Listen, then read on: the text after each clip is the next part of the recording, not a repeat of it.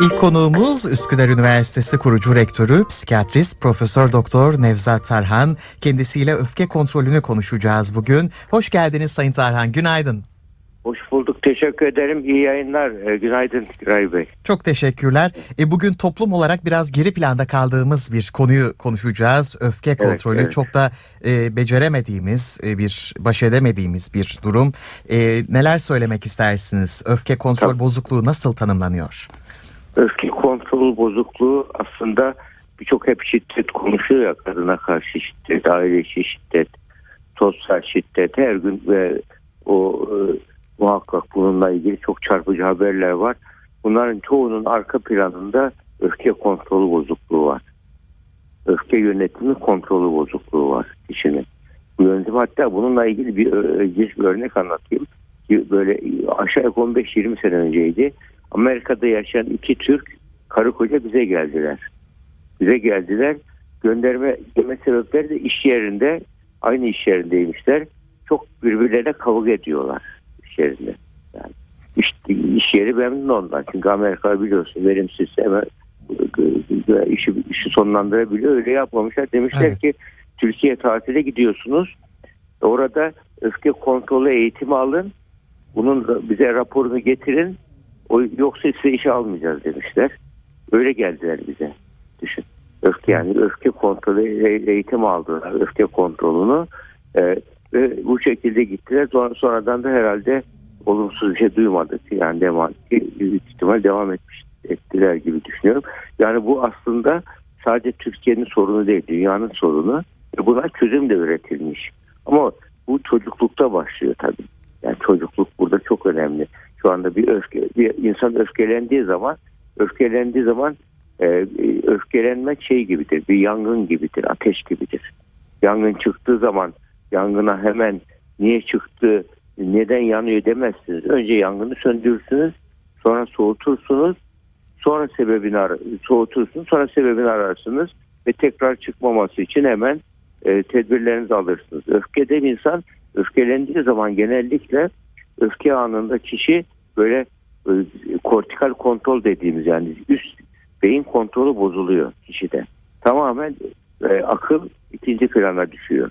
Yani, akıl aklın kullanımını e, ki hatta geçici cinnet diyenler de var e, öfkeye. Öfke anında bu öfkenin onun için e, en güzel ilacı o anda öfkelemeyi başarabilmektir. Ama öfke neden ortaya çıkıyor? Bazı insanlar çok öfkesizdirler. Bazıları sinir alınmış gibidir. Bazıları çok öfkelidirler. E, Bir e, araştırdığımız zaman burada tabii kişilik yapısının önemi var. Yani genellikle böyle öfke kontrolünde en çok insan ilişkilerindeki bozulmaya sebep olan yasal sorunlara sebep oluyor, maddi kayıplara sebep oluyor. Yani, e, her gün telefon kıran var. Yani böyle çalışma iş verimini etkiliyor, sağlığı bozuyor en önemlisi. Pişmanlık, yetersizlik, suçluluk duyguları uyandırıyor. Yani bu şiddet davranışına götüren bir süreç. Yani genellikle bir önce hayvanlara karşı şiddet, eşyaya karşı şiddet, e, daha sonra kendine e, duvara yumruk vurmak gibi kendine zarar verir. Daha da ileri giderse diğer insanlara karşı şiddet ortaya çıkıyor. Yani, e, bu, nedenle biz şiddet böyle öfke kontrolüyle sorun olduğu zaman kişinin özgeçmişine bakıyoruz. Yani özgeçinin şiddet davranışları var mı? Hı hı. Mesela tehlikeli araba kullanma var mı? Şiddette e, e, şiddet yapan kişinin zarar verme niyeti var mı? Şiddeti sorun çözme hak arama yöntemi olarak görüyor mu görmüyor mu? Bunlar araştır. Bir kurban var mı şiddet? Hep aynı kurban var ona mı yapılıyor? Mesela burada hatta İngiliz e, krallarında şey varmış, şamar olanları varmış e, prensleri. E, bu şamar olanlarını kendi şeyleri ço- çocukları yanlış yaptığı zaman gidip şamar olanların o çocuğun yanında döverlermiş. Şamar olan canının yanına acıdığını görünce kendi çocuğunu e, prenslerin, prenseslerin e, hat- şiddetine eğitmeye çalışırlarmış bu şekilde. Hatta bu bununla ilgili Şamaroğlan'ıyla ahbap olup daha sonra vali atayan şeyler var. E, İngiltere tarihinde örnekler var. Şamaroğlan lafı oradan geliyor. Yani şiddetin ya, eğitiminde kullanılan yanlış bir metot. Böyle kurban bir sınıf seçiliyor. Kurban bir kişi seçiliyor. Onun üzerine Şamaroğlan gibi seçiliyor. onun üzerine başkalarını korkutarak sindirme yöntemi kullanıyor. Bu otokratik yönetimlerde var tabi. İngiltere demokrasi geçtikten sonra bunu e, zaten şiddeti bütün dünya şu anda bir şey olarak suç olarak kabul ediyor. İnsana karşı şiddeti. Yani insana karşı Evet. şiddeti insan haklarına aykırı bir uygulama olarak görüyor. Yani bunun için yani şiddet konusunu bizim toplum olarak yani biz- bizim kültürel olarak şiddeti onaylayan bir yanımız var bak. Yani yok kızını dövmeyen dizini döver. Dayak cennetten çıkma. Bunlar tamamen artık bu zamanın ruhuna uy gelme, uymayan gelenek. Belki birkaç yüz sene önce bu geçerli olabilirdi ama şu anda hiç geçerli değil. Yani bir çocuk yanlış bir şey yaptığı zaman onu şiddete, otorite, korku, baskıtma, sindirmeyle yaptığı zaman çocukta ne oluyor? Mesela bir çocukta bir insanda. Hem çocukta aynı şey geçer hem insanda. Şiddet olduğu zaman bir insanda hissettiği duygu şu. Yani birincisi kendisi aşağılanmış gibi hissediyor. Değersiz gibi hissediyor. Kendisine haksızlık yapıldığı gibi hissediyor. Ve yani mesela alay edici davranışlar da alay edici sözler de bir çeşit şiddettir. Kişi herkesin içinde küçük düşürmek mesela. Sürekli alay edilen bir çocuk büyüdüğü zaman çevresinin düşmanca bir çevre tarafından yaşandığı duygusuyla büyür. Tabii. Herkesi düşman gibi görür bu çocuk bak. Alay edilerek hiç şiddet uygulamasın. Alay edilerek büyütülsün bir çocuk bu kendisi dışındaki herkesi düşmanca görür. Hep korkuyla hareket eder. Ya öyle olumsuz bir otomatik ön yargı oluşur burada çocukta. Yani çoğunlukla dışlanan çocuklarda mesela ailede adaletsizlik varsa onun için adalet duygusu çok önemli. Bizim kültürümüzde inanç sistemimizde adalete vurgu yapılması gerçekten çok anlamlı. Çünkü adaletsiz bir ortamda olduğu zaman kişi kendileri, kendisine aşı- adaletsizliğe uğruyorsa, haksızlığa uğruyorsa bir kardeşine daha büyük iyi, yemeğin iyi tarafı veriliyor. Diğer kardeşine hep kötü tarafı böyle şey tarafı veriliyorsa böyle bu ayrımcılık yapıldığını düşünür. Ayrımcılık yapıldığı zaman adalet duygusu zarar görür. Adalet duygusu zarar gördüğü zaman da bir insan kendini dışlanmış, aşağılanmış gibi hisseder ve e, güven duygusu zayıflar. Güven zayıflayınca sevgi de zayıflar. Sevilmiyorum ben ikinci sınıf insanım duygusuna kapılır. Anneye babaya karşı öfke gelişir. Nefret gelişir. Ya da bu yönetimde varsa, bir şirkette varsa ona karşı da öfke ve güvensizlik gelişir. Bunun sonucu kendini dışlanmış ve aşağılanmış gibi hisseder. Ya bir düşün. Yani bir insan kendini bir toplumda bulunuyor. Orada dışlanıyorsun. Hiç kimse selam vermiyor. Sana bakmıyor. Elini sıkmıyor. Böyle durumlarda e, öfke hisseder insan. Düşmanlık hisseder. E, bu böyle bir yetiştirilen bir çocukta şiddet şiddetle eline güç geçirdiği zaman zayıfları ezmeye başlar. Yani, ya be, hatta bir çocuk var şu anda yatıyor bizde.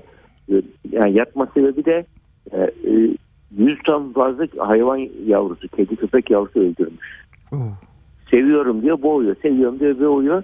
En sonunda artık anneye babaya el kaldırmaya başlayınca yat, hastaneye yatırdık çocukta. Öfke kontrol düşün 10-10 yaşında, 11 yaşında çocuk.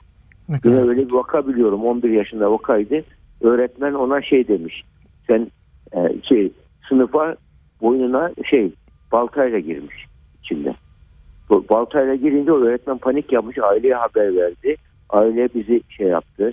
Bize getirdi çocuğu. Çocuğu inceledik baktık çocuk şiddete meyilli, suça becerikli öyle bir çocuk değil. Öğretmen demiş ki biraz iri yarı bir çocuktu. Bu sınıfın bundan sonra e, şey yöneticisi sensin demiş. O da millete söz geçirmek için baltayı getirip korkutup söz geçireceğim diye bir yöntem seçmiş. Bilmiyor. Yani anne babayla da yanlışı konuşma, doğruyu konuşma yapamadığı için anneyle babayla konuşabilse çocuk böyle bir şey öyle olmaz öyle yap. Çocuğum demesi lazım. Çünkü 10 yaşında 11 yaşında çocuk şey bilmiyor. Şiddeti sorun çözme yöntemi, bağırıp çağırmayı, ses tonunu yükseltmeyi sorun çözme yöntemi olarak görüyorsan bunu yapar. Yani bu tarz kişiler var mesela kitap fırlatırlar, e, bir odayan odaya çekip döverler. Yani birçok e, bu şekilde olaylar vardır. Çok aşağılayıcıdır. Yani bir müddet sonra bu tarz yöneticiler güven duygusu zayıfladığı için yalnızlaşıyorlar ve, ve kötü sonuçta ortaya hayal kırıklar, sevgi azalıyor, güven azalıyor, sevgi azalıyor. O şiddetin doğuran sebeplerden birisi de bir ad, toplumda, bir ailede adaletin zayıflaması. Adaletin zayıflaması, aşağılanma, dışlanma duygusu. Bir çocuk mesela bakıyoruz, sevgiyle biçilmiş çocuk. Aslında anne baba seviyor. Fakat çocuk beni kimse sevmiyor duygusu yaşıyor. Bir bakıyoruz ki anne baba seviyor gerçekten ama adaletsiz bir sevgi var. Bir sabah seviyor akşam nefret ediyorum diyor. Sabah mesela çapur çupur öpüyor çocuğunu. Öğleden sonra Allah beyanı versin niye doğurdum diyor. Çocuk böyle niye doğurdu böyle deyince çocuk beni sevilmiyorum zannediyor ve o tutarsız disiplin, gevşek disiplin ailede en büyük şey sebebi. Çocukta da güçlü olan zayıfı yeniyor diyor. O halde ben de zayıfları yenerim diye hayvanları yeniyor. Yani bu tamamen çocukla ilgili e, yanlış örnekle e, Ofke modeli çok önemli. Ya da medyayı bu konuda çok suçluyoruz. Aslında medya öfke kontrolünde yani göründüğü kadar şey değil, sorumlu değil. Çünkü e, medyada canlı şiddet yok. Orada tasarlanmış bir oyun şeklinde, bir şey şeklinde şiddet var. Çocuğu en çok etkileyen canlı şiddet, aile içinde anne baba arasındaki şiddet. Yani, yani baba bir şey olduğu zaman vur, vurdum oturtacaksın diyorsa, çocuğu şiddeti bir, bir nemalama metodu olarak görüyorsa, yani çocuğu bir şekilde menfaat, e, bir sorunu çözme, hak elde etme, güçlü olursan e, dediğin olur tarzındaki kaba kuvveti e, yöntem olarak belirliyorsa anne baba çocuk da bunu modelliyor, uyguluyor. Yani şiddeti yani görerek öğreniyor insanlar. Yani film seyrederek öğrenmiyor. Tabii ki film seyrederken yaşa uygundur bu. Yani anneyi baba ebeveyn gözetimde seyrederse bir şiddet filmini o kadar etkilenmiyor çocuk. Ama ebeveyn gözetiminde olmadan tek başına yaparsa e, şiddeti yöntem olarak o da diğer zayıflara, hayvanlara en çok yavru hayvanlara uyguluyor. Yani onun için şiddetin oluşmasına asıl etki olan şey bir yani bir toplumda da mesela gelir dağılımındaki dengesizlik şiddet sebebidir. Sosyal kargaşa şiddet sebebidir. Çünkü temel güven duygusu oluşmuyor toplumda. Yoksulluk direkt, direkt şiddet sebebi değil bak. Yoksulluk değil ama gelir dağılım adaletsizliği en büyük sebep. Onun için ayrımcılık böyle e, yapmak, kayırmacılık yapmak şiddeti bir ailede, bir toplumda çok destekler. Eğer şiddet istemiyorsak ailede, toplumda adaleti yüksek bir değer olarak hızla hızla yaşatmamız lazım. Yani e, to, toplumsal küresel barış içinde küresel adalet gerekiyor onun için. Yani bazı mesela şu anda bir Amerikalı bir Amerikalı 5 dünyalı kadar tüketiyor. Yani böyle bir müthiş bir gelir adaletsizliği var. Süper gücüm diye herkese kabadayılık yapıyor ya da elinde güç olanlar. Yani ama buna e, bu şey değil. Kısa süreli bir hakimiyet oluyor. Yani e, iktidar güçle, ekonomiyle belki kazanır ama adaletle devam ettirilir. Evde de anne baba gücünü eğer adaletle sağlayamıyorsa, devam ettiremiyorsa orada o çocuklar anneye karşı hem sevgi hem öfke gelişiyor. Yani adalette adil, aile içinde adil olmayan ailelerde çocuklarda şiddet beklemek sürpriz değil. Yani bizim bizde çok yaygın olmasının bence sebeplerinden birisi de şey yani aile içi adaleti hiç önemsemiyoruz. Adaleti bozan da en önemli şey nedir biliyor musun? Şey e, böyle yalanın doğallaşması, baskı ortamı. Korku ve baskı ortamında büyüdüğü zaman insanlar söz, kendi sözü ifade edemiyor. Yani korku kültürlerinde hızla adaletsizlik oluyor. Yani bizim mesela bir, bir 300-400 sene önce bu kadar adaletsiz toplum değildik. Şu anda çok adaletsiz. Yani Kuzey Avrupa ülkeleri bizden daha adaletliler şey içerisinde. İş ahlakında mesela. Yani e, ticaret ilişkilerinde. Yani e, bu biz niye değiliz? Çünkü bizde korku baskı birkaç yüz senedir korku baskıyla e, devlet e, devletin devlet baba adı altında devlet korkusu insanlarda e, de, devlete devletin malı deniz yemeyen domuz gibi anlayışı götürüyor. Adaletsizliği Maalesef. doğallaştırıyor. Evet. Evet. evet. Tabii bir de şöyle durumlarda var Sayın Tarhan. Hiç öfke kontrolünde e, kontrolü kaybedeceğine inanmadığımız kişiler de e, bu öfke kontrolüne e, sahip olabiliyor. Bir anda ortaya çıkabiliyor. Özellikle trafikte bunun örneklerini çok görüyoruz. Ya da bir e, çatışma halinde aile içi veya iş yerindeki e, çatışmalarda da bunu görebiliyoruz. Bir de öyle bir insan e, profili de var. Bunlarda acaba soru nedir? Bu ideal Tabii. doğal bir tepki mi yoksa yine aynı şekilde onlarda da öfke kontrolü sıkıntısı yaşanıyor mu acaba? İşte kadın beyni e, stres altında ağlayarak tepki veriyor. Erkek beyni stres altında öfkeyle tepki veriyor. Aslında erkeğin öfkeliliği onun şeyi depresyonudur. Depresyonda olmasıdır. Yani öfkeli kişilere biz gizli depresyon varsa, örtülü depresyon varsa onlarda öfkeli şekilde yaşanan davranışsal uyum bozukluğu şeklinde yaşanan depresyon varsa onlara antidepresan ilaç kullanıldığı zaman ben öyle bir öğretmen biliyorum. Yani ilaç vermiştik. Baktık örtülü bir depresyon var öfkenin arkasında. Ya bağırdığı zaman okul inlerken 3 hafta sonra geldi. Ya dedi öğrenciler sıraya çıkıyor gene de bağıram gene de bağıramıyorum dedi. Yani şimdi böyle yani öğretmen bu sefer bir uçtan bir uca kaymış yani bunu ilaç da olmuş. Ne demekti? Onun öfkesi aslında şey yani gizli depresyona bağlı ama her halükarda bir kişi öfkesini kontrol etmeyi istiyorsa ona şey yapıyoruz. Kullandığımız yöntem mesela mola verme yöntemi var. Ve on, bir ona kadar say gibi şunu der tarzına yap gibi. Yahut da öfkelendikten sonra hangi öfke, hangi kural etkilendi? Hangi e, şeyin e, prensibin zedelendi bu öfkelendi? Neden öfkelendi? Öfke görünen dışa vuran duygudur. Arka plandaki duygu mesela dışlanmışlıktır, suçlan, aşağılanmışlıktır, sevilmiyor duygusudur. Dışa, dışa öfke olarak yansıtır kişi. Onun için hangi kuralın bozuldu mesela, hangi prensibin zedelendiği sorarsa kişi kendine öfkeyi bu şekilde yani öfke bastırılmaz. Bak öfke yok edilmez. Öfke öğütülür. Öfkeyi alacağız, öğüteceğiz, kazanıma dönüştüreceğiz. Öfkesiz insan yok. Sizin söylediğiniz çok önemli. Herkesin içinde öfke var. O öfkeyi bazıları öğütüyor. öfkeyi enerjiye dönüştürüyor ve hayır güzellikte hayır diyebiliyor. Mesela öfkelendiği kişiye karşı evet. yani ben bu konuda senin gibi düşünmüyorum diyor. Bu konuda A planı yok. Mesela sorun çözme stili olarak eğer kişi zihinsel strateji geliştiriyorsa, duygu ifadesini başarabiliyorsa, sözel olarak kendini ifade edebiliyorsa öfkeye neye başvursun ki? Çıkar orada düşünür. Bu kişi bana şu haksızlığı yaptı. Buna karşı benim ne yapmam lazım?